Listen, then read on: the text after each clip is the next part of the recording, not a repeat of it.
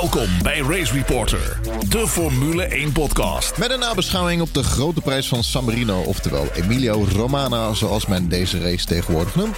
Waar Max Verstappen in één weekend liefst 34 punten pakte en zich daarmee in één keer terug in het kampioenschap knokte. Welke bijzondere statistieken werden er deze race bij elkaar gereden? Door de puntenfinish van Aston Martin is het voor het eerst in de geschiedenis dat alle fulltime teams reeds na vier races punten hebben gescoord. Het was de eerste 1-2 van Red Bull Racing sinds Maleisië 2016, toen nog met Ricciardo en Verstappen. Max Verstappen komt door zijn 62e podium in de top 10 van coureurs met de meeste podia. Na de Grand Slam van Leclerc in Australië pakte Verstappen nu dus een Grand Slam in Imola. Het is voor het eerst in de historie van Formule 1 dat er een back-to-back Grand Slam door twee verschillende rijders werd behaald. En George Russell is door zijn vierde plek en de late spin van Leclerc de enige overgebleven rijder die elke race dit jaar in de top 5 is gefinished. In deze aflevering onder andere de overtuigende zegen van Max Verstappen, de pijnlijke fout van Charles Leclerc, de martelgang van Lewis Hamilton, podia van Lando Norris, de gevechten in het middenveld, vooruitblik op de Grand Prix van Miami en natuurlijk de luisteraarsvragen via Twitter. Dank daarvoor. Race Reporter. De Formule 1 podcast. Seizoen 6 van Race Reporter, de Formule 1 podcast, aflevering 122. De eh, vijfde aflevering van dit jaar. Lucas Degen uh, met het vaste legendarische team. De, ja, inderdaad, wat Jeroen Demmendaal zei het al, de bezetting, de vaste bezetting. Sherry Alving, marketingmanager, oprichter, Trackside Legends, passie voor autosport, fotografie en voorspel koning 2020 en 2021. En 22. En vader, hoe is het ermee? Hoe is het met, uh, hoe, is, hoe is het met het vaderschap?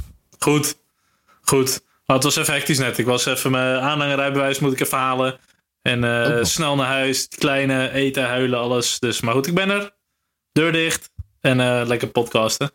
Wat voor een rijbewijs is dat dan? Ja, aanhangerrijbewijs wil ik halen. Waar is dat voor nodig? Voor, voor een aanhanger. aanhanger. Ja, dat is een grote aanhanger. Nee, ik zou ooit wel met de caravan en zo op vakantie willen. Dus ik dacht, ik kan het beter ja, maar gewoon leuk. halen. Dan hebben we het ja. en dan... Uh, leuk. Met, uh, met, met, alle, met het hele gezin en, en zo, zo'n blauwe Red Bull uh, yeah. caravan. Met de camping erop. in Frankrijk. Ja. Lekker bij het pierenbadje zitten. De kindjes vasthouden. Graag eens een sleur. Bandjes om. De laatste ja, keer dat ik uh, met een caravan had gereden was met de Red Bull Caravan Race. Dus toen ging je natuurlijk nog op zijn zij dat ik oh, hem recht had getrokken. Dus ja, dit, dit komt wel goed. Dit komt wel goed.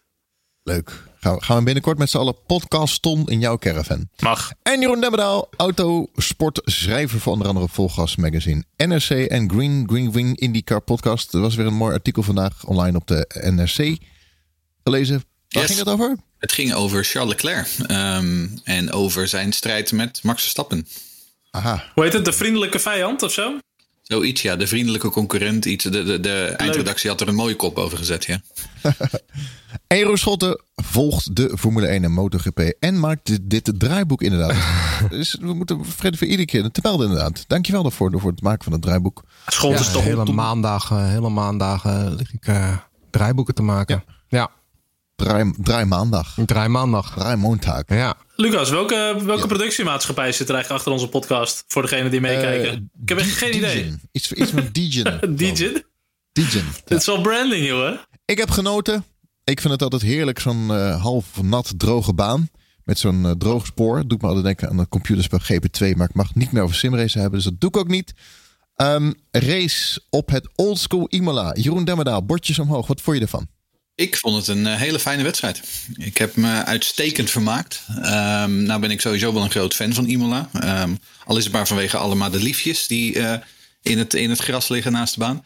Maar uh, ja, dit is een ouderwetse grind- en, uh, en grasbaan. Hè? Dus um, ja. dit is waar de Formule 1 wat mij betreft hoort. Want over twee weken rijden we weer op een, een of andere onherkenbare betonbak... die volgens de overlevering in Miami ligt.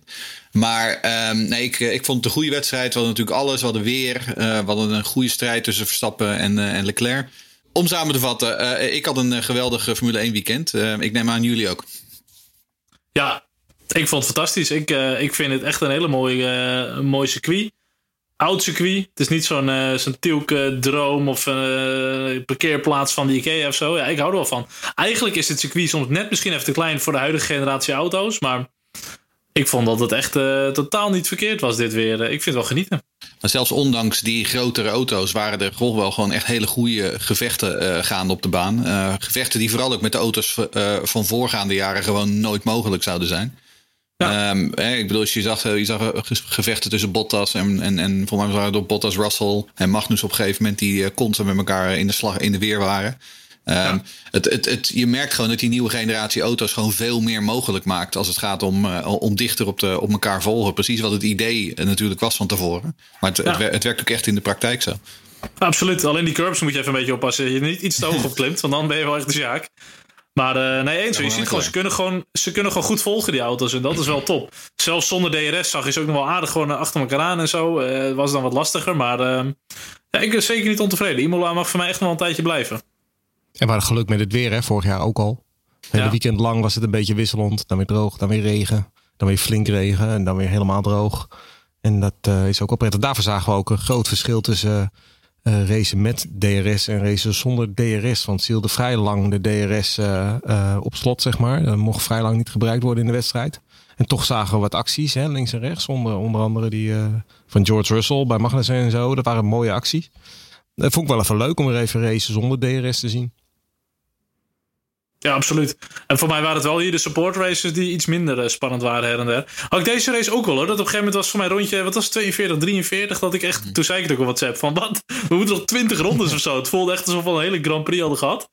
En toen was er nog echt wel een aardig aantal ronden was er nog. Maar ja, de, ja, Formule, de, de, Formule 3 was heel goed op zaterdagochtend. En toen kwam de Formule 2 uh, op zaterdagmiddag. En daar was eigenlijk nog een klap aan. Uh, en om eerlijk te zijn, nou, de Formule 3 op zondagochtend heb ik bijna doorheen geslapen. Um, Maar dat was best wel weer spektakel. Natuurlijk ook omdat er wat regen was. En toen de, de, de F2 op zondagochtend, het uh, leek ook lange tijd een soort snoezer te worden. Totdat opeens Roy Nissani, die op weg was naar een overwinning, hem gewoon vol de muur in uh, parkeerde. Ja, toen gebeurde er van alles en nog wat in die slotfase. Die is al was precies op het moment dat uh, Sebastian Blekemolen zei... eigenlijk moet Roy Nissani voor een safety car uh, zorgen. En precies op dat moment knalde hij erin. Dat was uh, hele mooie ja. timing. Hoe noemen ze dat ook weer? De commentators, gewoon... commentators curse noemen ze dat toch ook of zo? Ja. En wat ik momenteel echt wel een uh, meerwaarde vind, uh, is dat die, uh, die, die banden die zijn natuurlijk een stuk kouder vanuit de bandenwarmers. Hmm. En ik vind dat toch wel leuk, want vroeger had je vrij droge undercuts altijd. Als je een beetje binnen die 2,5 seconden kon blijven, dan kon je dat eigenlijk altijd wel succesvol doen. En dat is eigenlijk nu helemaal anders geworden. Omdat je gewoon met die, met die glibberende glijbanden, dan kom je eraan en dan kom je er nog steeds voor. Maar binnen een halve ronde ben je weg. Nou ja, maar dat is voor mij een dingetje, als ik heel eerlijk ben, dat hebben ze voor mij uit Amerika afgekeken. Want in Amerika, uh, in IndyCars heb je natuurlijk al jaren zo. Dat je inderdaad die eerste ronde, anderhalve ronde, moet je je banden opwarmen.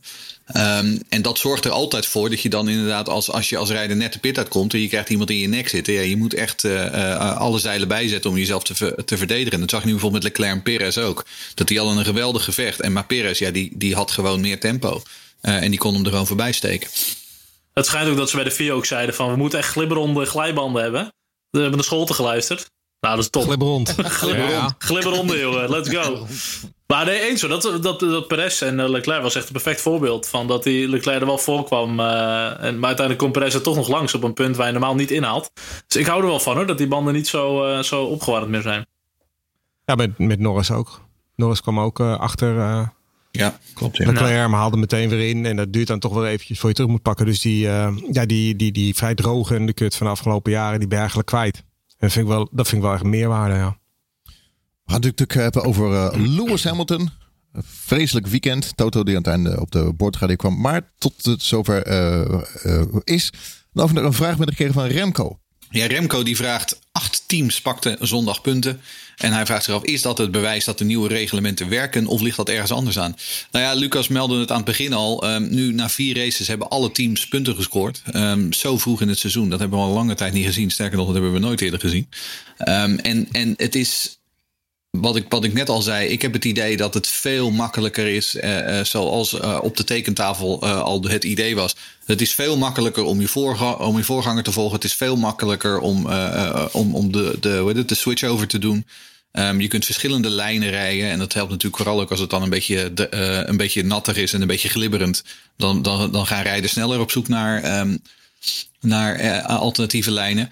Uh, ja, ik heb het idee dat het absoluut werkt, die uh, nieuwe reglementen. En dat daar ook gewoon uh, het voor teams waar we het ook al eerder over hadden, bepaalde teams zijn op bepaalde banen heel goed. Hè? Ik bedoel, Haas was bijvoorbeeld op, op Melbourne helemaal nergens. Uh, terwijl ze hier gewoon, uh, in ieder geval in de vorm van Kevin Magnussen, want Mick Schumacher, daar moeten we het straks nog wel even over hebben. Ja. Maar in ieder geval in de vorm van Kevin Magnussen konden ze nu weer meedoen. Terwijl ik had verwacht dat Alpine bijvoorbeeld wel weer uh, mee zou doen. En die waren eigenlijk het hele weekend een beetje buiten de boot gevallen. Of, of dus dacht je van Aston Martin, die ook gewoon in één ja, keer precies, gewoon, gewoon in het middenveld. Vorige week dachten we, nou die gaan het hele jaar gewoon geen punten scoren op deze manier.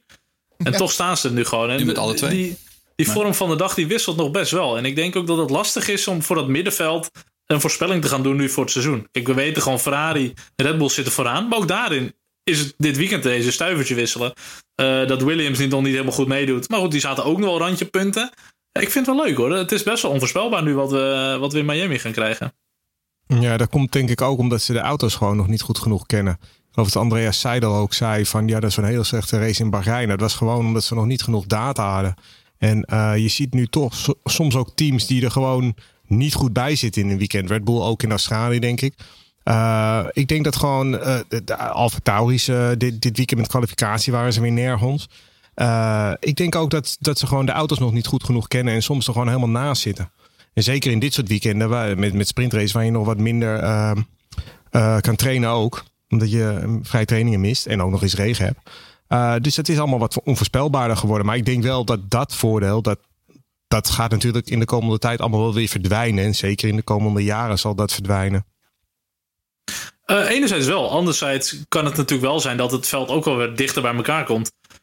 Dat zie je vaak als de reglementen ook wat langer bestaan. Dan begint de orde een beetje gevestigd te raken. En dat wil niet eens zeggen dat het daardoor verder uit elkaar raakt hoor. Ik denk wel dat gewoon het concept van deze auto's goed is. Ze moeten natuurlijk dat bij sommige teams, normaal gaan we het zo meteen nog even over hebben. Natuurlijk dat gestuiter en, en alles, dat, dat is nog wel even een dingetje. Maar ik hoop wel dat het het veld echt een beetje bij elkaar houdt. En ook wel inderdaad net per, per circuit. Uh, ze hebben allemaal net een andere filosofie.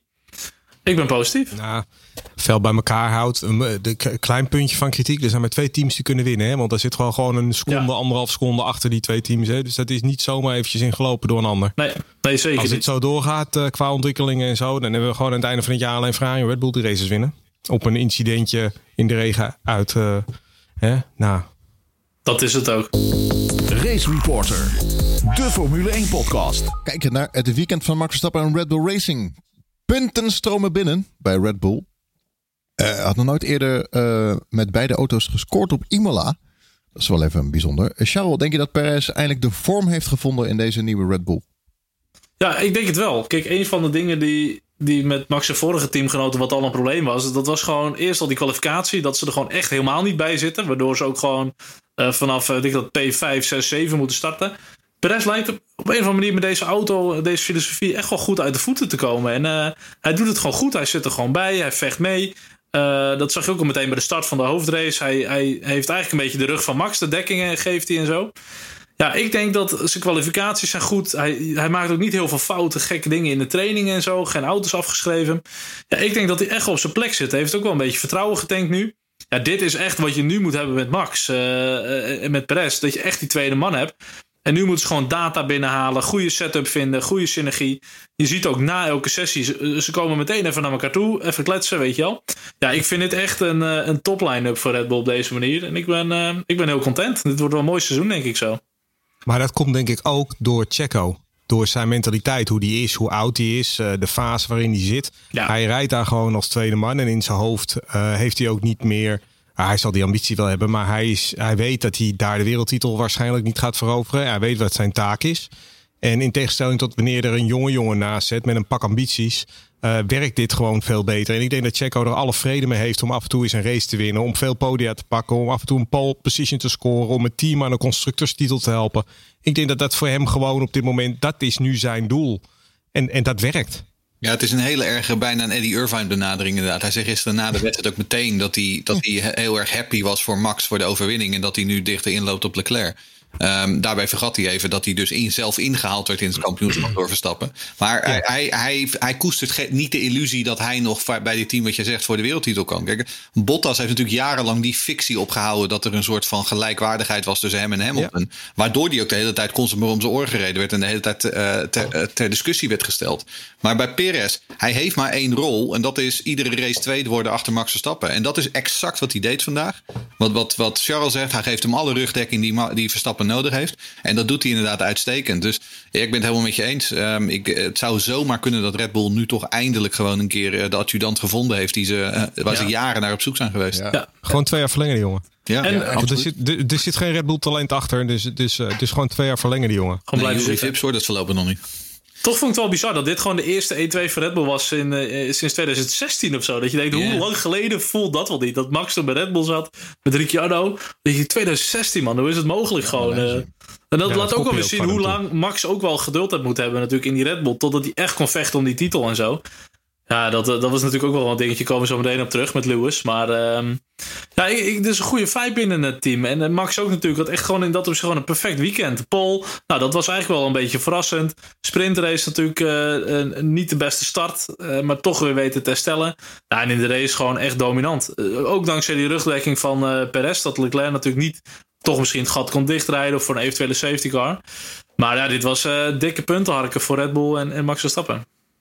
Heel even nog over de uitvalbeurten van Red Bull hiervoor. Is het gat, ze hebben ze echt het lek gevonden? Ze zeggen van wel. Nou ja, ik weet het niet. Ze zeggen van wel, beide auto's zijn gefinished. Ik, eh, ja. daar moet je maar op hopen, ja. Kijk, het is wel zo dat ze dit heel erg nodig hadden. Dit hadden ze. Want nog een keer, nog Ja. een keer eh, eh, stuk gaan. En dan wordt het een heel. Want je hebt het over die vibe, Charles, binnen het team. Maar nog Ja. een keer stuk gaan met één of met, twee, met, met beide auto's. Ja, dan heb je echt wel een hele Nee. andere vibe in dat team. Maar we, we zeiden het vorige aflevering ook al. Kijk, Red Bull heeft geen fundamentele problemen. Kijk, een Mercedes heeft een fundamenteel probleem. Zelfs Williams met die, met die remmen en weet ik het wat, wat ze aan het doen zijn. Daar zit gewoon nog echt een fundamenteel probleem. Bij Red Bull waren het natuurlijk gewoon net twee, drie dingetjes die, die even misgingen. Die, die je gewoon in theorie zou moeten kunnen oplossen.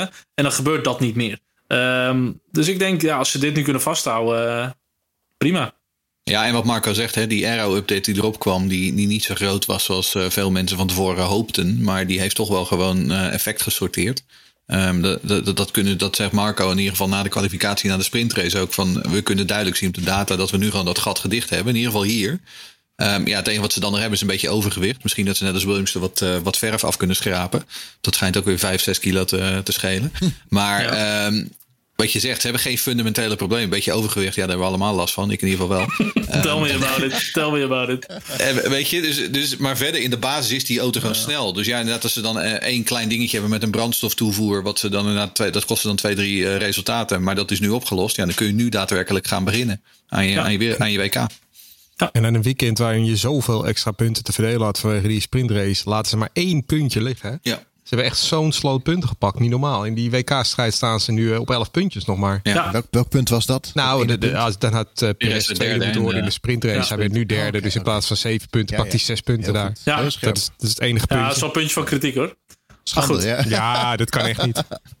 Dat wordt een functioneringsgesprek met Helmoet, denk ik. Ja, Maar eh, wat ik, ik vind de auto ook gewoon echt super mooi. En dan Hij is zie je mooi. zo die twee Red Bulls zo in die regen. Dan is er, glimt alles wat meer. En ik, Zo, sowieso ziet alles er in de regen op Imola mooier uit. Hè? Dat Ja. is natuurlijk wel zo. ik goed, zag we op een hadden gegeven moment nog ook- dat een, was in de Formule 2 geloof ik toen Boschung, die, die viel stil. En die landde midden in, ze- in die duizenden madeliefjes ergens op een van die grasvelden. Dat was zo'n Nice. mooi beeld. Het was heel terug voor die jongen natuurlijk. Maar het Ja. beeld was prachtig. En het dat kan je alleen maar daar. We hadden nog een vraag van eh, Bob van Valkenhoef, onze Twittervriend. Hij zegt: eh, Denken jullie dat de update Red Bull geholpen heeft? Of was deze overwinning te veel omstandigheden afhankelijk? Nou ja, kijk, natuurlijk heeft de regen en de nattigheid en alles wel, wel wat gedaan. Ehm, de pole voor Max was natuurlijk wel heel erg welkom. En uiteindelijk dat hij die sprintrace is te winnen. Maar goed, hij is toen wel langs Leclerc gegaan. En die hadden gewoon wat meer tire degradation. Dus op zich zat Red Bull er goed bovenop. Ik denk wat het misschien met name is met deze update, vergelijking met Melbourne, is daar moesten ze concessies gaan doen in bepaalde sectoren, rechterstuk, bochten. En eh, dat was net geen sweet spot. Ik heb het idee dat ze hier toch gewoon over de hele ronde gewoon echt een goede setup hadden. Een goede eh, raceauto, eh, kwalificatie natuurlijk ook pole. Dus ja, heeft die eh, eh, update geholpen? Ja, ik denk het absoluut. Maar het gaat er met name om dat je gewoon net eh, die banden op de juiste temperatuur weet te krijgen met deze update. En, en ja, het is echt een heel narrow window voor mijn gevoel, waarin je die auto echt goed krijgt. Ja, en dat hadden ze dit weekend gewoon. Race Reporter. De Formule 1 podcast. gaan we naar de rode, de rode pijlen, noem ik ze gewoon. De Ferraris, Leclerc en Sainz stutteren. Het zag er niet goed uit voor Sainz. Die werd er vanaf getikt door uitremkoning Daniel Ricciardo in de oor- eerste ronde. En Leclerc maakte een domme fout op de curb, het eh, natte broodje. Eh, dure rijdersfouten, staat in het draaiboek. Was Ja. een fout van Sainz? Nou, Sainz deed natuurlijk in de kwalificatie. hè. Die knalt eh, die, eh, Ja, ja, oké. Ja, ja, Ja, ja. ja, ja, ja, daar begon- ja, daar de begon al- daar kwalificatie begon de alles, rode ja. vlag. Ja. En als je het niet toevallig gered werd door die stomme sprintrace die er steeds tussendoor komt, dan eh, sta je gewoon tiende op de grid. Ja, Nu kan hij dat weer compenseren door dat, eh, door dat malle gedoe. ja, eens. Maar ja, als die tien op de grid had gestaan, dan was hij er ook niet afgetikt door Ricciardo. Hey. Nee, dat is dan weer een voordeel. En wat was het met Leclerc? Ik snap dat je, dat je graag nog tweede wilt worden of nog voor de. Maar Nou, Leclerc is gewoon. Leclerc is in alles een fan van Ferrari. Gewoon, die wil eigenlijk zijn hele carrière bij Ferrari rijden. En dan wint hij twee weken geleden in Australië. En dan begint hij eigenlijk al eh, meteen over Imola. En dat hij zo graag voor Imola wil scoren. Want hij heeft nu zo'n goede auto. En dan kan hij zich laten zien. Ja, en dan krijg je zo'n weekend waarin je, hè, de, de, de pole lukt dan niet. Oké, maar dat was nog een beetje ook door de omstandigheden, kan je zeggen. En dan de sprintrace, eh daar komt hij er alsnog voor, maakt hij het weer goed. Maar wordt hij ingehaald uiteindelijk door Max. En vanaf dat moment heeft hij Max eigenlijk niet meer teruggezien. En is eigenlijk het hele weekend eh, steeds minder gegaan. En dan krijgt hij in de slotfase door die extra pitstop nog een kansje.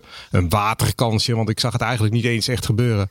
Dat hij Perez nog kon, eh, kon inhalen. Ja, en dan is hij gewoon te druistig. Eh, dat komt gewoon door de druk in zijn hoofd. Hij wil gewoon zo graag voor die Italiaanse fans op Imola en zo meteen op Monza ook, eh, wil hij presteren. En dan, dan gaat het gewoon mis. En hij moet gewoon eigenlijk beseffen dat het enige wat die fans echt willen, natuurlijk vinden ze het leuk als je op Imola wint. Ja. Maar het allerleukste vinden ze als je aan het einde van het jaar eh, wereldkampioen wordt. Ja. Hij moet zich daarop richten. Hij had gewoon derde moeten worden hier. En, als dat, dat, en het, is, het is echt een dure fout. Ja. Ik, ik, ik hoop dat hij ervan leert. Hij heeft nog een beetje geluk natuurlijk dat hij door kon rijden. Uh, maar ja, als je het optelt bij de twee fouten die Carlos Sainz nu heeft gemaakt. In Australië en nu in de kwalificatie weer. En als je dat dan afzet tegen, tegen Red Bull. Want aan het begin van het jaar zag ik wat poltjes van ja, wie heeft het beste rijdersteam. En heel veel mensen zeiden nou ja, Ferrari. Ja, bij Red Bull maken ze die fouten niet hoor. Max Verstappen en uh, Sergio Perez moet toch heel raar lopen als die drie van die dure fouten gaan maken in één jaar. Dat, dat doen ze niet vaak. Dus ik, ik vind het toch wel een, een aandachtspunt voor de, voor de heren coureurs, ja. Nou, het zit erin gebakken hè, bij, bij Leclerc. Dit doet hij gewoon nog steeds. Eén, uh, twee, drie keer per jaar. Hè. Ik weet allemaal nog dat hij een keer in een kwalificatie in Baku opeens ja. uh, bij I'm so stupid, of zo zegt hij dan. I'm so stupid, I'm so stupid. ja, en dat was natuurlijk weer, nu weer exact hetzelfde. Uh, en deze keer, dit, dit weekend was het dan Yuri Vips die over de radio zei: I'm so stupid. Maar ik bedoel, het, het, het was hetzelfde. Gewoon een unforced error, zoals ze dat in, in uh, tennis noemen. Tennissen, ja. Ja, en, en om met een unforced error. Ik bedoel, als je kijkt bijvoorbeeld hoe ongelooflijk close het vorig jaar was tussen Hamilton en Verstappen. Ja, die hebben allebei nauwelijks unforced errors gemaakt. En dat is wat je Eens. nodig hebt als je in dit veld tegen deze tegenstand wereldkampioen wil worden. En iemand, en iemand als, als Max Verstappen, ja, die, die, die uh, profiteert hier natuurlijk maximaal van. Ja. Dus als je dit nog twee drie, twee, drie keer doet dit seizoen, ja, dan ben je gezien aan het einde ja. van de rit.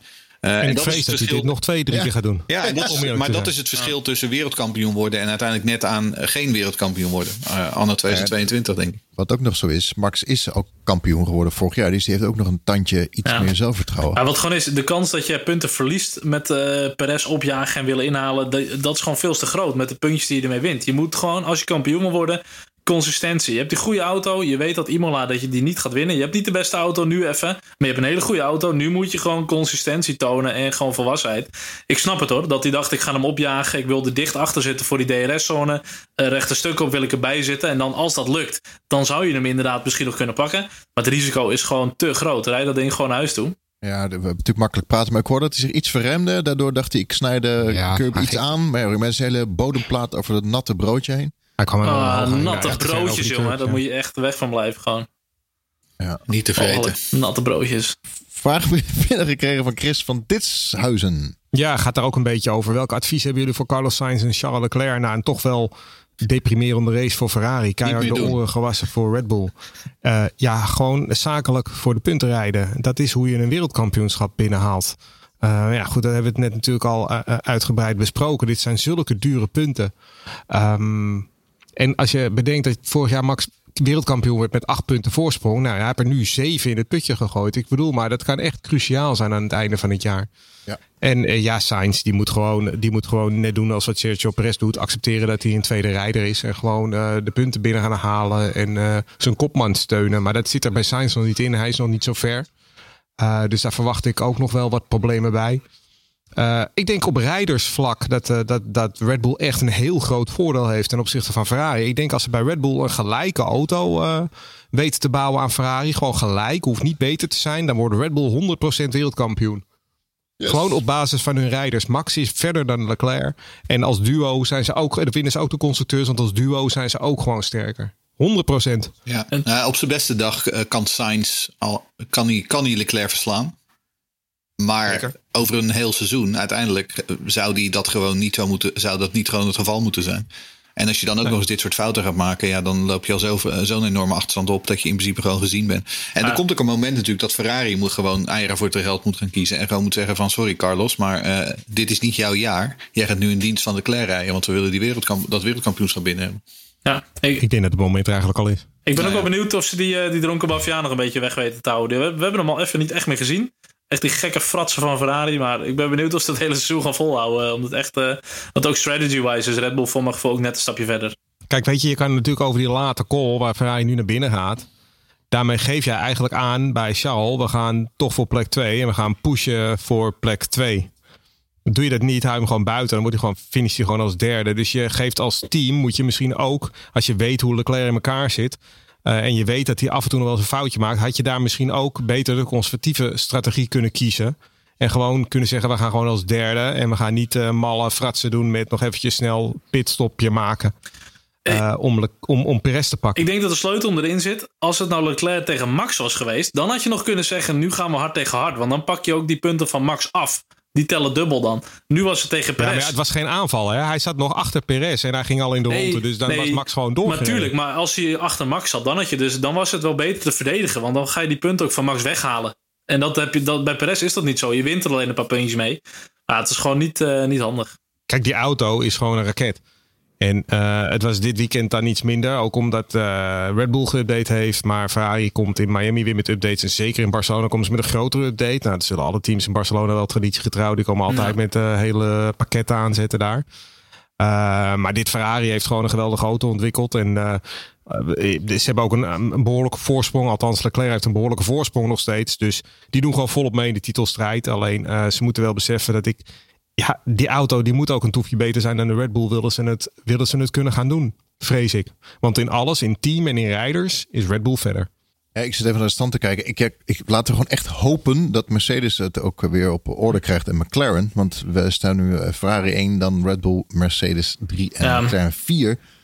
Ja, waar moeten we dat hopen dan? Ik nee, ik dat liever, liever, liever McLaren. Ja, ik heb al een leuk seizoen.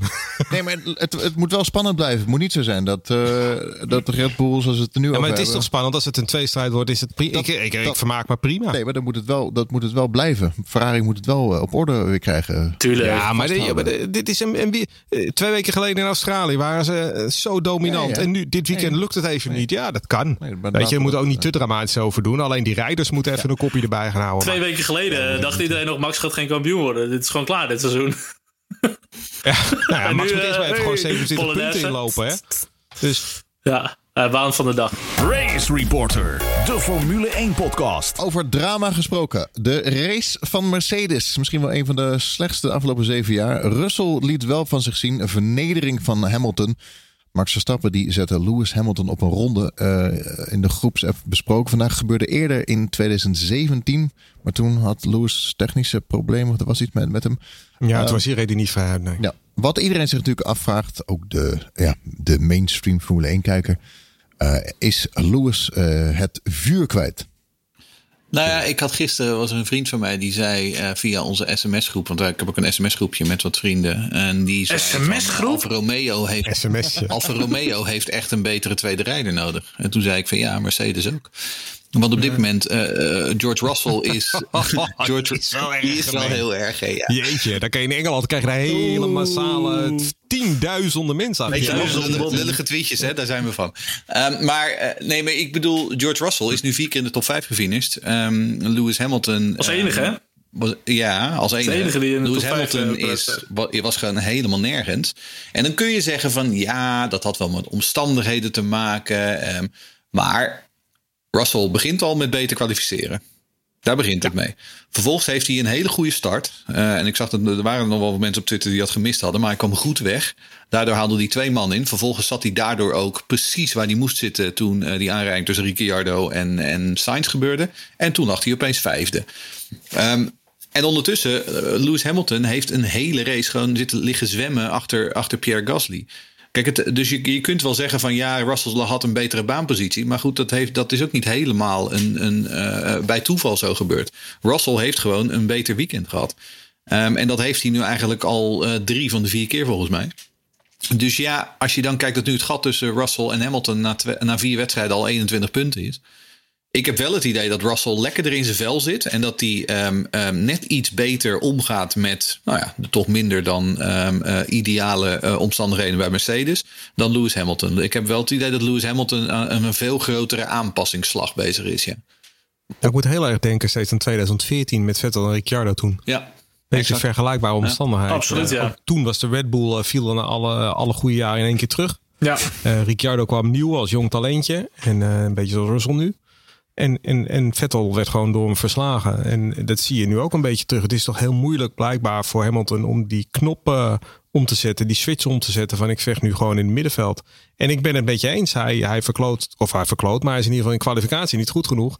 En hij heeft gewoon 30 rondes de tijd gehad om Gasly in te halen en daarna Albon in te halen. Ja. Dat zal toch een keertje moeten lukken. Ja. Imola is moeilijk om in te halen, maar zeker niet onmogelijk om in te nee. halen. Nee, wat, wat wil ik al vraag van John Kuipers. En die zegt veel mensen roepen dat Russell zoveel beter is dan Hamilton in dezelfde auto. Uh, hij zegt, volgens mij heb ik naar andere races gekeken. Want George heeft vier van de vier van races heeft hij twee keer beter gekwalificeerd. En bleef daardoor uit de file van het middenveld. Hij heeft volgens mij niet meer pace. Nou ja, hij heeft wel wat meer pace. Want als je kijkt namelijk naar die kwalificatie, dan is het wel zo dat Russell er doorgaans drie à vier tiende meer uit die auto haalt. Um, dus in die zin, kijk, dat hij heel veel beter is dan Hamilton, dat vind ik ook wat overdreven. En natuurlijk had hij bijvoorbeeld in Melbourne gewoon voor, uh, voordeel van, van de safety car situatie. Maar ook daarbij, hè, dat, dat heeft ook weer te maken, uh, uit het voetbal kennen we dat. Een veelscorende spits, die staat altijd waar hij moet staan op het moment dat de bal er komt. En dat is met George Russell ook. Je kan zeggen wat je ja. wil, maar hij zorgt er wel voor dat hij in de juiste omstandigheden komt. En dat is nu ook in, in, bij, in Imola, in die hoofdrace, in die start. Bij die start was dat weer zo. Hij doet het gewoon, hij kwalificeert zich beter, start dan beter en zorgt er daarvoor dat hij in de juiste positie zit. En dat is gewoon, dat is gewoon kracht. Maar normaal dat was dat juist. kwaliteit. Normaal was het juist Hamilton die altijd ja. wist te maximaliseren. Ook met pech had hij altijd weer geluk. Gaat hij eraf? Hij kan toch weer door. Gebeurt X? Kan uh, toch weer dit. Dat was echt Hamilton, jongen. Die was gewoon niet kapot te krijgen. En dit was echt ook een race. Dat was gewoon niet des Hamiltons. Zelfs met een slechte auto verwacht je toch dat hij wel wat meer kan, wat meer doet. Hij staat gewoon niet. Is dat inderdaad aanpassingsvermogen aan de nieuwe generatie auto? Is het aanpassingsvermogen dat hij ineens in het gedrang van het middenveld zit? Uh, is het een nieuwe teamgenoot uh, uh, waar ik dan misschien toch wat nerveus... Ik weet niet wat het is, maar dit is gewoon niet des Hamiltons nog. En dat is dan ook wel weer, weer gek om te zien. Ja, je ziet dan nu ook dat ze natuurlijk bij, dan, bij Mercedes het ook wel een beetje de P, qua PR proberen het een beetje te redden. Ze krijgen afloop en krijgen ja. dan Toto Wolf. Die gaat dan over de radio zijn excuses ja. aanbieden voor deze auto. En ja, Lewis, het ligt allemaal aan ons. Het is, ja, het ligt niet aan jou, Lewis. Het is ons. Wij zijn het. Dat vond ik gênant. Uh, nou ja, weet je wat het is? Het is proberen om ook gewoon, uh, wat ik zeg, er een soort van publieke uh, spin aan te geven. zodat in ieder geval Lewis Hamilton niet al te veel ja, afgesminkt wordt. Maar als we heel eerlijk zijn, hij is dit weekend gewoon afgetekend de mindere geweest. En hij is weer afgedroogd door, uh, door George Russell, in ieder geval qua resultaat. Want uiteindelijk, als jij veertiende wordt en jouw teamgenoot wordt vierde. Ja, dan kun je op je kop gaan staan. Maar dan, ligt er toch echt, dan zit er toch echt bij jou ja. iets niet. dan komt er bij jou iets tekort. Absoluut. dus ja, nee, Hamilton heeft een heel lastig begin van het seizoen. Dat betekent niet dat hij er opeens niks meer van kan. Of dat hij in de afgelopen zeven jaar zes keer met geluk wereldkampioen geworden is. Want dat is natuurlijk niet zo. Maar hij, hij moet er wel flink aan trekken dit jaar. Ja, ja maar ik vond het, uh, dat excuus van Boel vond ik echt een beetje gênant. Hoor. Dan denk ik, ja, je zou teambaas van Williams moeten zijn. Moet je iedere week excuses aanbieden, weet je. Ja. Nee, maar ik bedoel, je zou opzichtig proberen om zo'n rijder uit... Uh, uh, ja, uit de kritiek te houden. Ja, ik, ik, dat vond ik wel een beetje dat ik denk, ja, weet je, kom op, hé, je, hebt, je, hebt, je hebt hem zeven jaar lang of acht jaar lang heb je hem de beste auto van het veld gegeven. En dan heb je een paar races gehad wat minder. En dan ga je zeggen, oh sorry hoor Louis, sorry. Oh, je bent zo goed en je bent ons eigenlijk niet waard. Of wij zijn jou eigenlijk niet waard. Ach kom, schijn nou uit man. Wat een gelul. Ja. Ja, Eens. Was zelf ook gewoon niet goed. Punt. Nee. Nou ja, dat Uithalen, is het overnieuw beginnen. Kijk, nou moet ik wel zeggen, ik stond er ook wel van te kijken dat met name Gasly Albon niet voorbij kwam. Ehm, dat was wel heel opmerkelijk. Ehm, want ik bedoel, we weten allemaal dat die Williams nou niet echt Ja. direct de snelste auto van het veld is.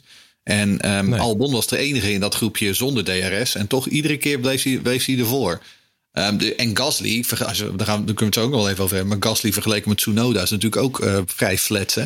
Want Tsunoda reed een wereldwedstrijd. Zeker. Terwijl Gla- Bizar, hè? Gasly eigenlijk gewoon ook maar aan het zwemmen was. En gewoon kleurloos naar een dertiende plek reed. Maar soms heb je ook gewoon die wedstrijden die ertussen zitten. En eh, dan, dan, maar dan inderdaad, wat jij zegt, moet je dan helemaal dat publieke theatrale. eh, oh, sorry, Lewis, we are not worthy. eh, Ja. benadering gaan doen. Ja, ik, ik, het had voor mij ook niet gehoeven. Maar Wie waren die jongens ook weer? Die zeiden dat al. We are not worthy, we are not worthy. Ja, dat is een show van. Wie waren dat ook alweer? ja, dat is eh, Wayne's World. Ja. Oh ja, Wayne's World was dat, ja. voor de hele oude luisteraars. Zegt me helemaal niks. Maar Heel oud. Jullie zijn echt oud gewoon iedereen mij. kwijt volgens mij. Maar eh, het punt is, eh, je krijgt, je krijgt wel het idee dat ze echt proberen om zijn motivatie gaande te houden. En dat, dat Lewis op dit moment gewoon niet lekker in zijn vel zit. Eh, En George zit wel lekker in zijn vel. En we weten allemaal in topsport, als je lekker in je vel zit dat, eh, en lekker in de, lekkere vorm hebt. Ja, dat kan gewoon, dat kan je, dat kan je vleugels geven. Ja, zeker. Maar, maar is het ook niet gewoon zo dat Russell rijdt nu voor een goed team? Dus die krijgt een up, een upper, zeg maar. En Lewis heeft Ja, toch nog wel een beetje een downer van vorig jaar. En, en laten we wel wezen, hij is al wat ouder. En voor weer een kampioenschap, het afgelopen jaar is intens, hè? Nou, Ja. Ik helemaal, denk dat dat toch helemaal wel- als je weet dat je geen kampioen gaat worden. Hoe kan je dan die motivatie opbrengen om elke dag weer het het maximale eruit te halen? Terwijl je eigenlijk weet dat het toch een beetje voor spek en bonen is. Zeg maar. Dat is het misschien. Maar een Russell denkt, ja, ik ga nu elke punt, elk podium gewoon pakken. Kan, kan. Spek en bonen, ja, kijk, weet je, oké, wereldkampioen wordt misschien heel lastig nu. Maar eh Hamilton heeft nog altijd het record op zijn naam staan dat hij ieder jaar een race wint. En eh, dat zou een mooi nieuw doel voor hem kunnen zijn natuurlijk. Hè. Er komen allemaal updates aan in Barcelona. Waarvan ze hopen dat het het porpoising wat oplost. Waardoor de auto wat omlaag kan. Waardoor het aerodynamisch allemaal weer eh, wat beter gaat werken. Waardoor ze misschien wel een paar tienden of misschien wel meer dan dat kunnen vinden. Ehm, er zijn toch zat doelen nog om je op te richten. Ook als je de grote Lewis Hamilton bent, dan kan je toch wel op dagsucces gaan richten. Over, over dat porpoising mogen we het nog even hebben over die ongelooflijk doorzichtige poging van eh, George Russell. Als we het hebben over oh, veiligheid en gezondheidsklachten. Nou, Ehm, ja, nee, we moeten echt wat doen. We, we, want Mercedes moet nu toegestaan worden dat ze extra maatregelen kunnen nemen. zodat ze het porpoising kunnen, ehm, kunnen repareren. In, de, in het belang van eh, de gezondheid van de rijders. Dan zeg ik van, nou weet je wat, dan schroef je je auto wat hoger. Dan zet je die vloer wat hoger, dan heb je er geen last Opgelost. van. Opgelost. Maar het, het is zo ongelooflijk doorzichtig hoe, hoe Russell nu probeert om op die manier eh, een beetje de reglementen in hun richting te buigen. Dan moet ik wel een beetje om gniffelen. Eh, Rob de Voogd heeft ook een vraag over. Dat stuiteren ziet er echt niet gezond uit. Zowel Mercedes als Ferrari voornamelijk. Dit kan toch niet goed zijn voor de hoofden en ruggen van die coureurs? Russell is er ook klaar mee. Is dit geen F1 veiligheids- gezondheidsissue? Ja, we hebben het net al een beetje besproken. Eh, is het een issue? Ja, het lijkt me ook absoluut niet gezond. Sterker nog, als je er echt hevig last van hebt, eh, lijkt het me ook echt gevaarlijk. Maar het is nog steeds aan de teams die die limiet opzoeken. ehm, eh, met dat ground effect, waardoor dat gebeurt. En dan moet je inderdaad wat hoger schroeven. Ja, dat is misschien voor je setup niet zo fijn en voor je snelheid. Maar ze hebben het zelf in de hand, weet je wel. En eh, ja, compromis, dat is een, eh, een sweet spot Nou, zoeken. Kijk, en het is natuurlijk zo dat een aantal teams, de helft van de teams, heeft het al lang opgelost. Hè. Volgens mij heeft eh, Red Bull het niet, McLaren heeft het niet. Volgens mij valt het bij Alfa Romeo heel erg mee. Alfa Tauri heeft het niet. Eh, dus het is gewoon op te lossen, weet je. En eh, ja, zolang je het niet oplost, zou je omhoog moeten. Het is niet anders. Of je moet eventjes pijn in je rug en pijn in je buik hebben. Ja, dan heb je Of liften op het rechte stuk. En dan ook meteen op safety erbij halen. Want, want safety is natuurlijk wel in principe als je regelwijzigingen wil doorgeven. Dan moeten alle teams het ermee eens zijn gedurende een seizoen. Maar als je het op safety gooit, dan kan de FIA er wel op ingrijpen. Dus het is allemaal weer zo opzichtig om dat dan meteen op safety issues te gooien. Er is nog geen enkel ongeluk gebeurd op porpoising. Dus waar heb je het over met je safety, jongen? Er is helemaal niks is- unsafe aan de hand. Dat is dus wat ik bedoelde zo- met doorzichtig. Ja. Ja, maar ik vind eh, George Russell, eh, ik vind hem in, oh, als je hem volgt in de media, ik vind het zo'n verschrikkelijk mannetje af en toe. Ik vond Leno Norris geweldig na afloop. Die, eh, die eh, ik weet niet of je dat hebt gekregen, die zei in de persconferentie, want ze zeiden, ze vroegen aan hem van, joh, heb jij eh, nu de derde auto van het veld? en toen zei hij, nou, toch? als ik George Russell was, had ik gezegd dat ik de zevende auto van het veld had. Ja, mooi. Ja. En, eh, Nou, maar dat is het ook. George Russell is, is zo'n smooth talker. Die wil alles altijd mooi. En uh, oh, ik word er helemaal... Vreselijke uh, vent. Nou, die tweet nou vorig jaar- vreselijke fan weet ik niet. Nou, maar hij is vooral PR-tech. Ook al hoe die Hamilton de hele tijd op uh, Dat hemel zegt. jaar. Man, man, dat, man. Hij, dat hij die tweet stuurde met hoofdletters. Dit is un unacceptable. Ja, hij, is heel, niet hij, is, hij is heel glad. oh, Heel glad. heel, hij is aalglad. Maar dat zag je, echt je zag het vorig jaar wel met Russell hoor. Met wat dingetjes dat hij toen ook Mercedes en Lewis probeerde te steunen. Eh, toen ben ik ook wel een beetje dat ik dacht, jee, je prikt er nu wel echt doorheen hoor. Het is gewoon een beetje smerig. Maar goed, ehm, Imola vorig jaar. ja. Dus een enorme crash. Ja. En dan Bottas op zijn helm Toen liet hij zich even gaan. Ja. Ja. ja. Maar goed. Nog een vraagje. Gilliam die vraagt: werd het op een ronde zetten van Max op Lewis wat jullie betreft ook een beetje te veel uitgemolken? Nee, Ja. Ik Nee. vond het aan één kant vond ik het wel heel erg grappig persoonlijk. Omdat Mercedes natuurlijk al die jaren zo gedomineerd heeft. Dus ik vond het eigenlijk wel heel erg grappig voor mezelf. Uh, maar ik moet wel eerlijk zeggen, dan gaat de Engelse media na afloop naar Max Verstappen heigerig toe voor een quoteje. En die vraagt daar daarnaar. Ja, dat vind, dan denk ik, ja, waar, Wat ja. zei je Max daarop? Nou, Max die was heel relaxed, want die zegt juist van ja, maar ja, goed, je weet dat zij minder auto hebben, dus vroeg of Ja. laat gaat dat een keertje gebeuren dan. dus hij was daar heel erg volwassen in, zeg maar. vind ik goed. Maar dan denk ik, ja, ik, ik, ze, ze hield het ook echt heel mooi eh, in beeld, hè? Want je zag eerst onder, onderop dat Ja, hij 77 77 seconden achter lag. Ja, en is zag je Max al. Dus het was zo'n opgezet spelletje. Dus het was wel heel erg leuk om te zien allemaal. Maar dan moet je na afloop, als je de Sky bent, dan moet je daar verder niet... eh, je- Het is al pijnlijk genoeg voor Hamilton. En, en dan wil je weer... Hè, want Verstappen kan natuurlijk nog wel eens wat zeggen. Nog wel eens een kat geven of zo. Maar dat deed hij nu niet. En ja, ze willen het allemaal wel heel groot maken. Hè? Die Engelse media verwacht je niet van de Engelse Nee, media nooit. trouwens. Doen ze nooit. heel netjes. Maar doen ze nooit. Maar ik, ik trok een tweetje van Red Bull wel heel goed trouwens. Met het gifje van Max die zijn schouders afveegde. En Max dealing with some lap traffic. Twee minuten Oh, dat was heel, niet. Ja, dat die was is heel geniaal. fijn. Geweldige timing. Je weet gewoon goed. dat ze dat met opzet deden. Ik, kon daar, ik werd daar heel blij van. Ja, ik hou er ook wel van, een beetje banter. Maar natuurlijk is het pijnlijk, absoluut. Maar goed, ze hebben zo lang genoten van eh, zo'n eh, goede auto bij Mercedes. Ja, je weet vroeg of laat gaat dit gebeuren. En ik heb liever dat het nu gebeurt dan pas over vier jaar. Dus eh, kom maar door. Race Reporter. Formule 1 podcast. Vechten in het middenveld. Podium voor Norris. Punten voor Aston Martin. En eh, McLaren die ging eh, Mercedes voorbij. Deze race Ze staan nog in het kampioenschap nog niet voor Mercedes. Maar wel het eerste podium van het jaar. En inderdaad een dolblije Norris. Ja. En eh, meteen eh, met de deur naar huis te vragen. En eh, een vraag van onze Platinum lid Harry de Groot. Eh, Harry vraagt: McLaren heeft na de kwalificatie beide auto's flink onder handen genomen. In principe mag de auto niet meer aangepast worden. Hoe controleert de FIA al deze werkzaamheden en wordt het allemaal gerapporteerd? Ja, daar heb je eh, verschillende middelen voor hoe ze dat kunnen doen, allemaal dat, dat in de gaten houden. Je hebt in principe gewoon scrutineering. Daarin kunnen ze eigenlijk alles van de auto meten. Met meetlatjes, touwtjes, dingetjes, eh, lasers, weet ik het wat. Kunnen ze gewoon zien van hé, hey, wat, eh, waar moet die auto reglementair aan voldoen? Eh, ze kunnen ook met, met bepaalde verzegelingen dingen die je niet meer mag openhalen, niet meer aan mag sleutelen. Ehm, ja, er zijn hele handboeken voor mensen die daar het hele weekend voor rondlopen, die dat gewoon echt controleren en checken. Ehm, of je ook eh, eh, de, de setup die je inderdaad voor de kwalificatie had, of je die nog steeds hebt aangehouden. Ja, je mag wel wat dingen aanpassen, maar niet, eh, niet gek veel. Maar er wordt wel echt gigantisch streng op toegezien dat dat niet zomaar, zomaar kan gebeuren. Ja, hoe wordt het gerapporteerd? Ja, we zien het niet vaak dat er inderdaad met scrutineering iets is opgevallen of wat na de race. Je ziet het in de opstapklasses wel eens. Dat er inderdaad bepaalde rijhoogtes niet goed stonden of dat soort dingen. Dat de plank te veel is gesleten of zo. Worden wel eens resultaten ingetrokken. Maar bij de Formule 1 eh, gebeurt het niet zo heel erg vaak. We hebben nog wel eens een auto gezien die wordt ingenomen eh, met brandstoftekort of dat soort dingetjes. Maar goed, dat heeft wat minder met de setup eh, te maken. Kijk maar naar Ricciardo. Ja, Ja, ik weet dat ze in de eerste ronde altijd wat forgiving zijn, de race eh, wedstrijdleiding. Maar was het, was het een straf? Was het een andere ronde was geweest voor Daniel? Nou, het is meer, signs van de baan het is meer gewoon dat Ricciardo weer een wedstrijd weggooit. Ehm, en dat hij gewoon weer, terwijl Norris dus op het podium staat, dat Ricciardo gewoon weer nul scoort. Eh, ik weet niet hoeveel ze die uiteindelijk geworden is, 16 of 17 of zo. hij heeft niet meer kunnen herstellen. Niet. Oh, Achteraan, sorry. ja. Weet je, ja, en dat, ja, nou ja. En 18e dat is dus weer, ja, dat is dus weer een, een, een weekend voor Daniel Ricciardo waarin hij gewoon niet scoort. Ja. Ja, ik word, er, eh, ik, ik word er wel een beetje moedeloos van, langzaam maar zeker.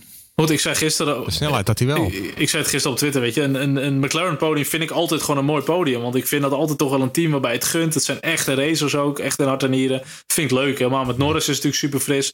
Ricciardo wil je er ook graag wel bij hebben. Maar ja, die is toch wel een beetje zijn eigen glaas aan het ingooien. En dit had ook gewoon niet gehoeven. Het is toch net even te veel risico. Net even gaan glijden. Ja, het is, het is stom. Maar hij vergooit zijn hele race er gewoon mee. En ook voor McLaren gewoon hele dure punten. Ja, nou moet ik wel zeggen dat zo'n startongevalletje... Ja, weet je, ik, ik kan het coureurs altijd wat minder kwalijk nemen bij de start dan... Wel, tricky omstandigheden. wedstrijd. Ik bedoel, het kan gebeuren.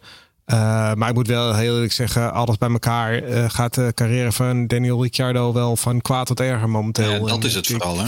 Ik vrees wel een beetje als zijn uh, carrière bij McLaren erop zit, zijn contract, hoe het dan, dan verder moet met hem. Ik denk dat hij dan hooguit de stoeltje in het achterveld kan krijgen. Nou ja, en dat is het. Echt, Want wie gaat er ook, ja. ook de, de, hoofdprijs betalen qua contract? Want we weten dat hij natuurlijk bij Renault krijgt hij een enorm salaris. Toen moest ja. hij bij McLaren moest hij al een stapje terug doen, omdat McLaren op dat moment gewoon geen cent had. Maar goed, toen dacht hij, nou ja, die hebben in ieder geval een betere auto dan Renault.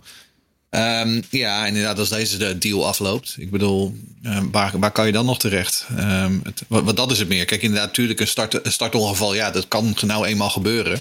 Maar dit soort incidenten en dit soort races, ja, die overkomen Ricciardo wel heel veel de laatste anderhalf jaar. Hebben jullie Drive to Survive gezien? Nee. Nee, kijk hier niet naar. Mm, deels. Echt nog meer, Moeten we nog afkijken. Nog meer belicht. En dan word je echt een beetje treurig van, uh, van zijn carrière. En dan uh, dat hij toch nog wel Monza won vorig jaar. Maar het, uh, het is ook, nee, maar ja. het, het, is ook onverklaarbaar eigenlijk. Want het was gewoon ja. een goede coureur. Bij Red Bull Zeker. ook. Ja. Uh, hij heeft gewoon Vettel verslagen toen in zijn eerste jaar. Hij heeft het tegen Max gewoon goed gedaan. bij Renault heeft hij het nog goed gedaan ook. toch denk ik. Het is gewoon een uitstekende coureur. En toch gaat het, of, of het nou het team McLaren is wat niet goed bij hem past. Of ik, ik weet het niet. Toch denk ik als hij gewoon bij Red Bull had blijven zitten, dat hij echt nog een veel betere carrière had gehad dan nu. Misschien wat minder geld op zijn bankrekening, ja, ja. Uh, want hij heeft wel lopen hark ook bij Renault en zo. Maar ik denk dat ze dan echt al wat meer 1-2's bij Red Bull hadden gehad. Dat ze een goede wingman hadden gehad. Maar ja, hij wilde ja, zich er niet bij neerleggen. En, uh... Ja, maar dat is ego. Ja, dat, dat is ego. Exact. Hij was de man bij, bij Red Bull. En toen kwam Max. En ook financieel. Max verdient nu bakken vol met geld. Die had hij nooit gekregen. Hij had het moeten doen met 7, 8 miljoen per jaar. En hij had Max naar 25 miljoen per jaar moeten zien verhuizen. Dat is gewoon wat het was. En hij wilde ook natuurlijk helemaal geen wingman worden. Dat was de reden dat hij naar nee. Renault ging. Nou. Want hij ging samen met Abiteboul ging hier Renault naar de top brengen. Red Bull nou, gives you wingman. Met uh, Seidel en met Brown ging die McLaren naar de top brengen. Ja, ja het is alleen allebei ja. even niet gelukt. Dat is een beetje jammer. Ja, we, we, moeten ook wel een beetje... Niemand wist toen wat Honda ging doen. Honda was nog een crap motor toen, hè? Ja, dat is wel zo. Maar ja. het is meer... Kijk, de reden dat hij weggegaan is bij, bij Red Bull... is gewoon omdat hij de writing on the wall zag. En dacht, ja, ja, die, ja. Die, die Verstappen, dat wordt de toekomstman. En uh, maar... dat, daar, daar ga ik het niet van winnen. Nee, dus ging hij een ander thuis zoeken. Maar ja, ja, het probleem is dat hij uh, bij Renault, en toe, om heel te zijn, bij Renault reed hij een uitstekend seizoen. Hè? Hij finishte ja, ja. vijfde, ja. geloof ik, met die Renault. Dat was heel goed. Maar ja, toen dacht hij nee. Maar nu komt er, eh, kwam er net als, met, net als bij Ronald Koeman. Er kwam een trein voorbij. En toen sprong hij op de McLaren-trein. Um, en ja, nu zit hij waar hij nu zit. Ja, als we kijken naar Norris, die staat zesde in het kampioenschap. En Daniel elfde. Dus het ligt niet aan de auto, inderdaad. Nee. Nee, nee maar goed, hij, hij, hij, dit weekend op zich wel de pace. En nogmaals, een, een startongevalletje wil ik hem wel vergeven. Dus ja. ik, uh, hij krijgt dit jaar natuurlijk nog de tijd. Ja. Uh, maar hij moet wel echt wat gaan laten zien. En hij moet ook, hij zit geloof ik het hele seizoen al qua kwalificaties ook achter Norris. Ja. Hij moet wel echt dat gaan aanpakken nu. Alpine had een rampenweekend. Mm -hmm. De sidepop pot van uh, Alonso die om de oren van Lewis vloog. Ja, voor mij was dat Mick Schumacher die ook even te veel nog op een curbje kroop of zo en er rond in ging. Ja. Toucheerde uh, Alonso. En uiteindelijk volgens mij was het later pas ergens dat die uh, hele sidepot ook gewoon naar de getver ging. Gewoon door, door alle luchtwervelingen en downforce, weet ik wat. Ja, dat is gewoon een DNF voor, voor Alonso. Dat kan zo duur te staan. Ze hebben natuurlijk voor Ocon nog een unsafe release gehad uh, in de pits uh, met de pitstop. Wat uh, ook nog eens 5 seconden kost voor Ocon. Ja, dit, dit zijn Ocon. de weekenden dat je denkt van ja, hier moet een Alpine er gewoon staan. en dat, nou, dat was gewoon niet goed genoeg. Absoluut niet. en het ging bij Ocon natuurlijk al fout in de, in de kwalificatie. Hè? Ja. Um, waardoor hij um, met een kapotte bak en toen moest hij met de sprint, in de sprintrace grotendeels achteraan starten. Ja, dan, dat is wel het nadeel natuurlijk van die sprintraces in die zin. Um, als, je niet, als je jezelf niet naar voren kunt werken, dan start je gewoon twee keer. Uh, ja, je loopt achter de feiten aan. Dus ja, wat dat betreft, het is goed dat uh, Emmanuel Macron gisteren gewonnen heeft. Want anders was het alleen maar huilen geweest in Frankrijk. Eens. ja. Hebben jullie ook zo ongelooflijk genoten van Bottas? Ja. Dat is dat heerlijk. Ja, dat, die, oh. ja, dat is leuk. en Bottas had nog heel veel pech ook. Ja. Hè, want hij had gewoon voor Russell kunnen eindigen. Maar dat wiel dat bleef geloof ik zes seconden op zitten. Ja, zo bij die stop van. Hij, hij, rijdt, hij rijdt echt als herboren. Nou, hij kwam er tenminste af dat wiel nu. We ook wel eens anders gezien. Maar één soort bot, dat, dat is wel leuk om te zien. En dat is dan toch een beetje, ja, geniet je er echt van? Nee, misschien niet. Maar het is toch wel leuk om te zien dat hij eigenlijk wordt weggebonsuurd bij Mercedes. Van, hé, hey, jij, bent eigenlijk niet meer goed genoeg als tweede rijder. En uiteindelijk krijgt hij een auto die in de regel nu uh, vecht met de Mercedes en ook wel regelmatig ervoor staat. Ja, dat vind ik dan wel leuk. Ik had het nog mooier gevonden als je ook een Russell gewoon echt had ingehaald. Dat het echt, echt een toefje slagroom nog geweest op de taart. Maar ehm, dat is leuk. Ik heb, er wel van genoten. Ik voel echt zo dat onder zijn helm zit hij gewoon de hele race te grinniken zo. Hoe, hoe doet hij dat? Nou, geniet er maar van zolang het kan, want het is natuurlijk wel een tijdelijke situatie. hè? Want dit blijft niet zo. Dat snap ik ook wel. Ja. Tsunoda laat van zich zien. P7. En uh, goed hersteld na een slechte kwalificatie. Ja, daar hadden we net al een beetje kort over. Ook dat gat tussen Tsunoda en Gasly en zo. En uh, vaak zie je toch dat ook een Tsunoda wel een beetje onder die druk bezwijkt. Stomme foutjes maakt, gekke dingen doet. Die hebben het echt wel solide gedaan nu. En Gasly is natuurlijk ook wel vaak in net even wat vervelende gevechten. Tsunoda was volgens mij wat meer aan het, aan naar achter aan het kijken. Maar ja, volwassen race gereden. En dit moet hij gewoon ook blijven doen. Als je dat zitje voor Alfa Tauri nog een beetje wil zien vasthouden, moet je zo je races gewoon gaan uitrijden. Ja, wat, wat we wel niet moeten vergeten is dat dit de baan is die Tsunoda helemaal uh, het beste van allemaal kent. Hè? Want die heeft hij met afstand de meeste rondjes gereden. Uh, omdat het natuurlijk de thuisbaan is van, uh, dit is dicht bij Faenza. Dus heeft hij een oude Alfa Tauri. Heeft hier heel veel lange dagen, helemaal in zijn eentje heeft hij hier in de ronde gereden. Ja. Dus hij kent Imola heel goed. En hij had natuurlijk inderdaad het voordeel dat Jury Vips, een van de pretendenten voor zijn stoeltje, um, gewoon een podiumfinish in de Formule 2 weggooide uit het ja. niet. Dus in die zin, dat helpt hem ook. Um, Liam Lawson, uh, die schitterde ook niet echt qua uh, Red Bull Junior. Uh, dus in die zin, ja, het is een lekker weekend voor Tsunoda. Maar nu moet hij dit ook op andere banen laten zien. En dat is in het verleden was het probleem geweest. Ja. Nee, eens. Gaat hij het redden dit jaar? Ja, wat? Wat gaat hij redden? Nou ja, het. het punten, niet, niet te veel ik, ik, ik, hoop, ik hoop nee, het. Niet... Ik hoop het, want er zit, er zit absoluut potentie in dat joch. als, die, als, als alles goed zit, dan is hij heel snel. Maar kan die groeien, zeg maar, van, ja. van iemand die gewoon over één ronde heel groeien, snel kan zijn, naar iemand die echt. groeien? Ja, als, is het goed te groeien? Nou ja, ik, ik, ik, denk dat die, ik denk dat hij in 2025 2 meter is. Ja, dat denk ja. ik wel. Nou, het scheelt wel met die auto's die te zwaar heeft. zijn. Met die auto's die te zwaar zijn wil je Yuki er wel in hebben hoor. Die weegt minder dan uh, twee pakjes boter volgens mij. Dat is echt top. Ja, precies ja. ja. Oh, oh, oh. Nee, maar. Um, we hebben ook nog een, een klein applausje voor Stroll. Die ging even buitenom. Zat, op. ja. Mijn god, uh, beide waren ze in de punten. Ja, dit is ook zo'n... Stroll Grand Prix, ja. ja. Maar dit is ook een eentje die had ik niet echt verwacht. Die zie je niet echt aankomen. Je denkt, Aston Martin, nou dat gaat zo joh, wel weer mis. Vettel die misschien weer een risicootje neemt uh, vroeg op de slicks. Uh, Stroll die misschien weer een beetje te veel risico neemt. Nou, dat deed hij ook wel op het gras. Maar al met al hebben ze de race gewoon aardige rondjes afgetikt. Ze hebben hun hoofd een beetje cool gehouden. En uiteindelijk met twee auto's in de punten. Ja, uh, leuk voor ze, prima. Uh, het is natuurlijk niet het meest enerverende team. Ook als je natuurlijk de berichten hoort hoe het binnen het team zelf gaat. Uh, het is allemaal niet uh, pijs en vree. Maar ehm, ja, leuk. Leuk voor de jongens, wat puntjes. Heel blij. Is die fabriek al af? nee. Die fabriek, is die al af? Nee, die is nog niet af. Maar nee. Vettel, wat, Vettel wat was... had wel wel gewoon een lekker weekend. Um, na dat ongelofelijke drama in Melbourne. Um, hij zat er dit weekend eigenlijk gewoon vanaf het begin in die top 10 lekker bij. Ja. Ja, toch is het wel raar. Je zou toch denken dat hij meer punten heeft. Vier punten en Alonso maar twee. En Stroll één. Ja. Maar Alonso, die heeft ook wel echt. Die, Alonso heeft ook echt een waardeloos begin van het seizoen natuurlijk. Dus die, ja. gaat er nog wel voorbij komen, lijkt mij op termijn. Maar goed, ook qua de constructeurs, het is gewoon lastig. Uh, kijk, Williams die zal echt denk ik wel uh, op deze manier laatste gaan worden, ook gezien een rijdersduo. Aston Martin zie ik ook niet heel veel verder komen dan waar ze nu staan op een negende plek. Tenzij die Haas echt helemaal gaat inkakken. Maar ik heb het idee, die Ferrari motor loopt wel goed. Ze hebben uh, met Magnus natuurlijk wel echt een goede rijder. Ja, ja dat, dat, maar dat blijven toch een beetje de achterhoede teams die misschien wat achter uh, wat, wat dagsuccessen kunnen halen. Maar er blijft nog steeds gewoon een duidelijk verschil tussen de twee topteams, het middenveld en eigenlijk toch een beetje de, de, de teams achterin. Moeten we het nog over die andere ja, haasrijder wel, uh, hebben trouwens? Of? Sorry? Moeten we het nog over die andere haasrijder hebben? Ja, gaat het zo nog even oh, okay, over hebben. Okay. Maar ik moet er wel zeggen dat, uh, ik, uh, dat, dat, ik was wel verrast. Want ik, er zijn nu wat verhalen dat, dat Aston Martin mogelijk verkocht gaat worden aan Audi. Ja.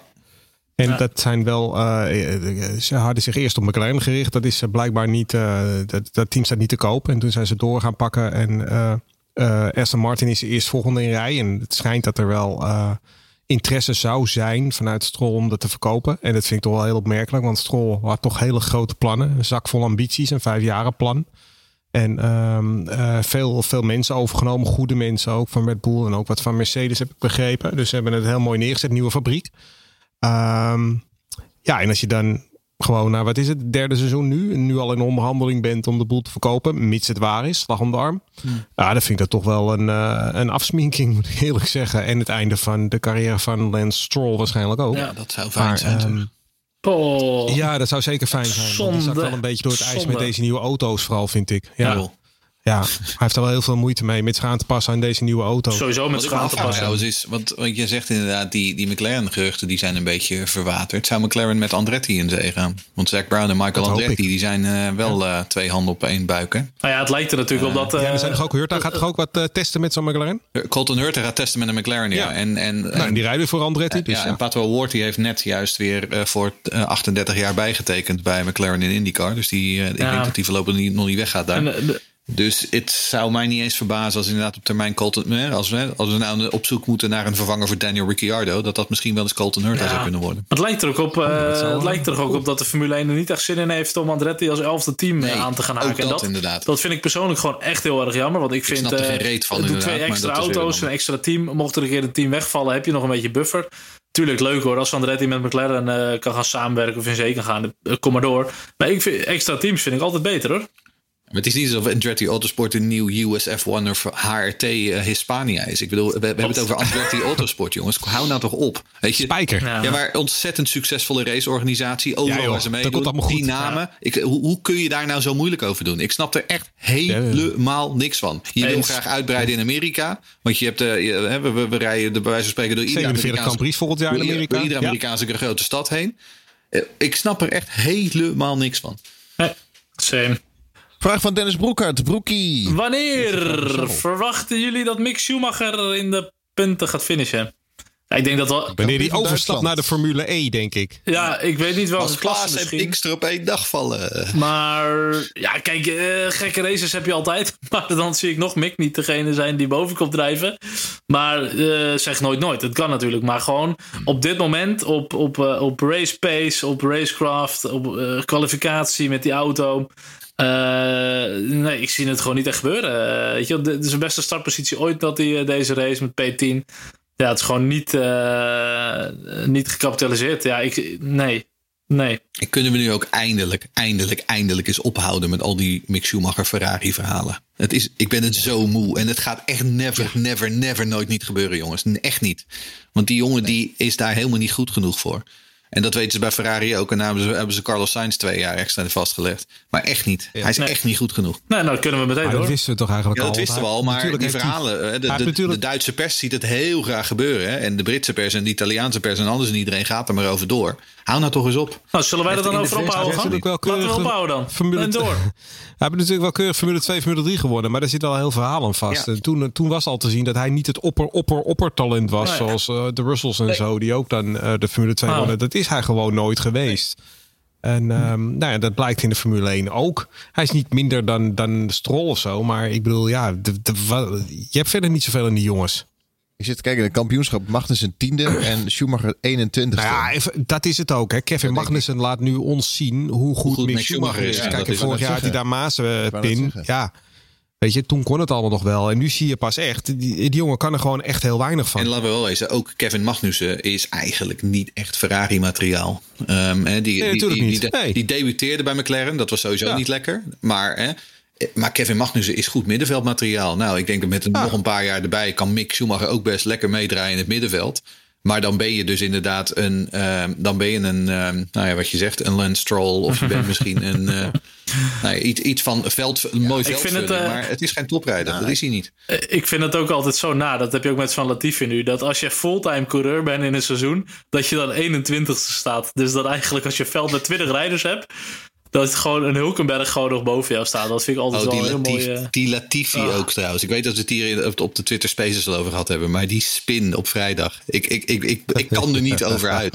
Dat je gewoon zo'n bazaal gebrek aan, aan, aan car control hebt, zeg maar. niet te geloven. staat hij in het gras en dan denk je, nou, nu komt hij Hey, weer terug. hey, hey. Gaat hij nog een rondje doen? Niet zo Ja, denigerend over Latifi. Dankzij hem is Max kampioen geworden. Nou, die is zo slecht. Ja. Die is echt Die is zo goed. Dat slecht, is echt geen Formule 1 coureur, Oh. Latifi. Dat is En die echt rijdt. Want jij zegt, nou, Magnus is natuurlijk geen Ferrari-coureur. Nee, dat klopt. Maar hij rijdt nog eens naast Albon. Die is, nog, die is in mijn optiek minder dan, dan Magnus. Of in ieder geval minder ervaren dan Magnussen. Ja.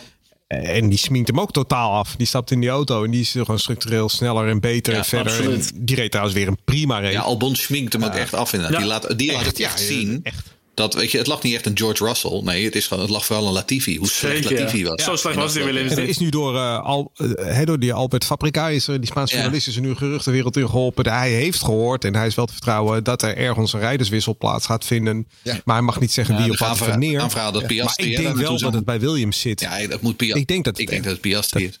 Weet je wat mij, Ja. wat, mij wel opgevallen is? In de voorgaande jaren stonden al die sponsoren van Latifi vrij groot op die auto.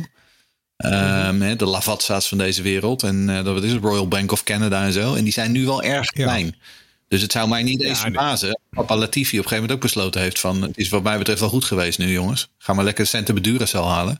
En dat nu inderdaad Alpine probeert om inderdaad daar gebruik van te maken.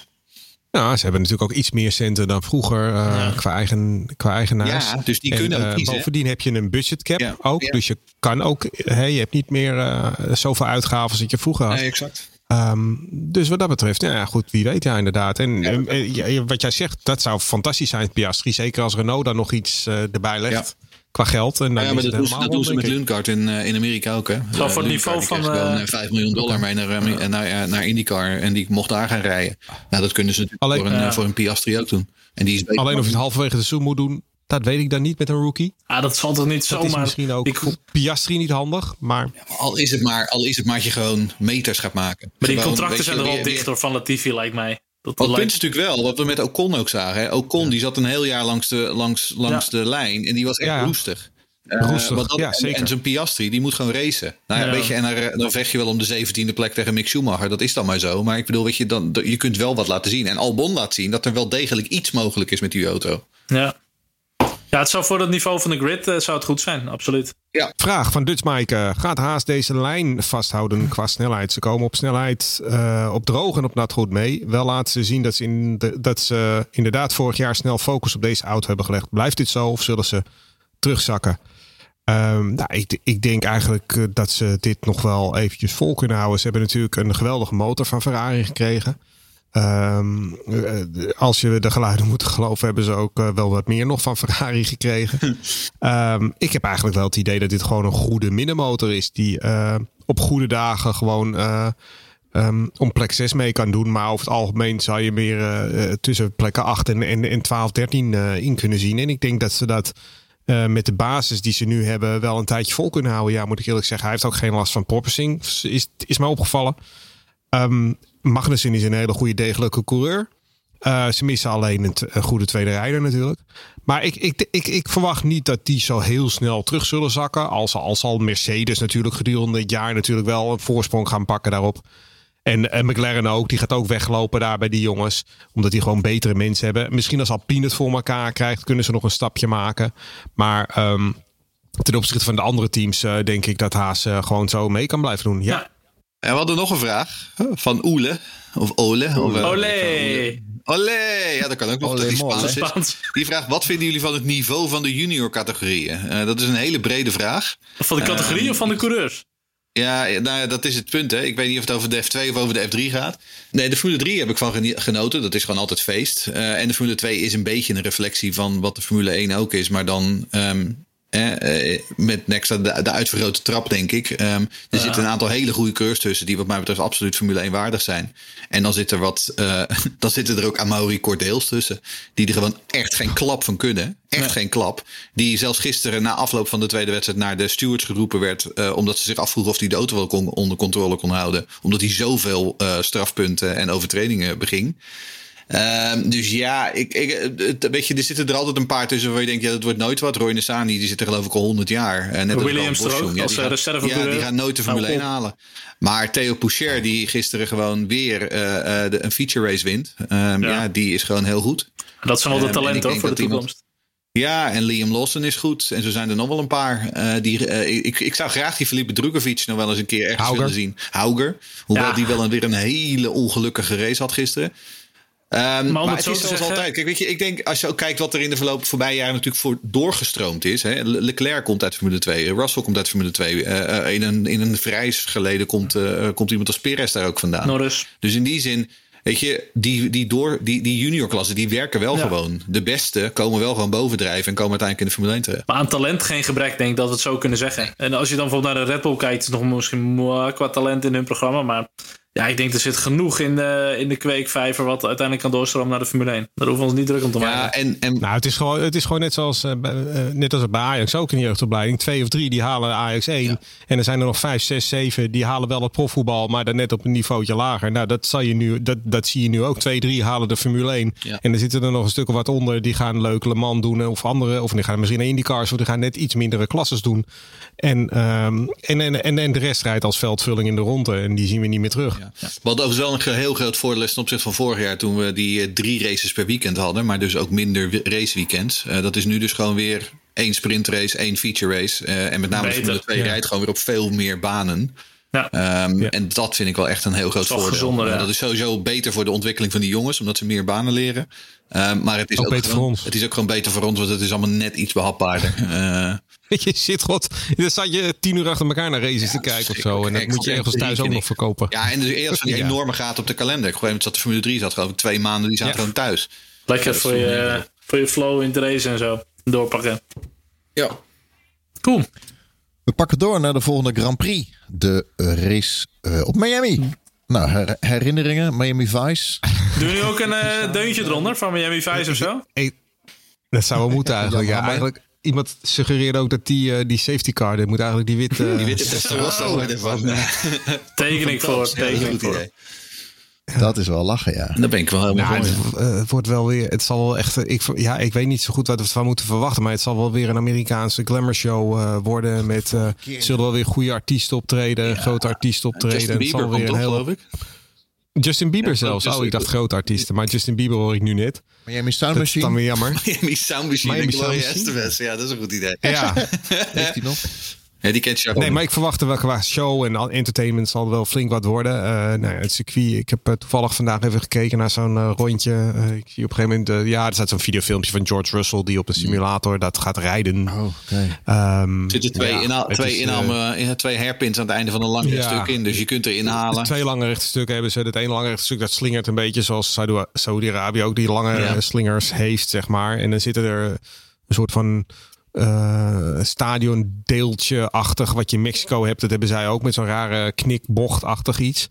Eh, ja, het, Ja, ja. En dat achterste nou ja, goed, het is een circuit, maar ik vind een circuit altijd heel moeilijk om te beoordelen. Dat achterste rechts eh, zonder dat ik iemand op heb zien racen. Dat achterste is zit echt in, eh, openbare weg trouwens. Ja. Ehm, Ja, dus ja, wat, ja, wat werd, hè, de, ze roepen er altijd over stratencircuit. Dat zijn ze over Jeddah ook. En dan is het gewoon allemaal purposely built. Maar eh, dit is daadwerkelijk voor de helft een stratencircuit. Want die, eh, Ja. dat, dat achterste rechte stuk, dat is de openbare weg. Kun je- Jeroen, kan je dit een beetje vergelijken met bijvoorbeeld een Long Beach? Of echt totaal niet?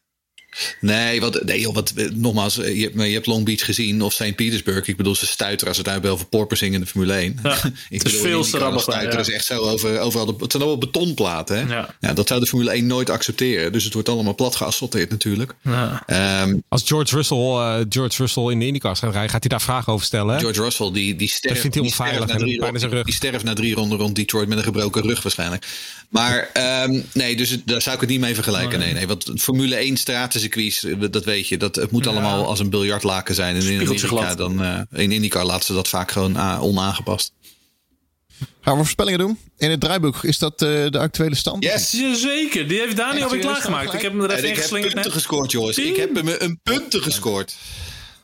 Wat goed. Maar wat ik niet snap. Ja, en, en eh, Frederik ook. En, en ook een, niet een beetje punten, hè? 43 punten. Ja, wat een punten. Dat zijn bijna net zoveel als Max Verstappen. Misschien wel meer. Eh, Meer. Ja, zeker meer. 9 punten meer. Ja. Het is allemaal te volgen op Twitter. Dank weer, Daniel. Ja. Ehm, wie gaat er als eerst? Jij? Lucas, dat is eh, straf Oké, gewoon. Nou.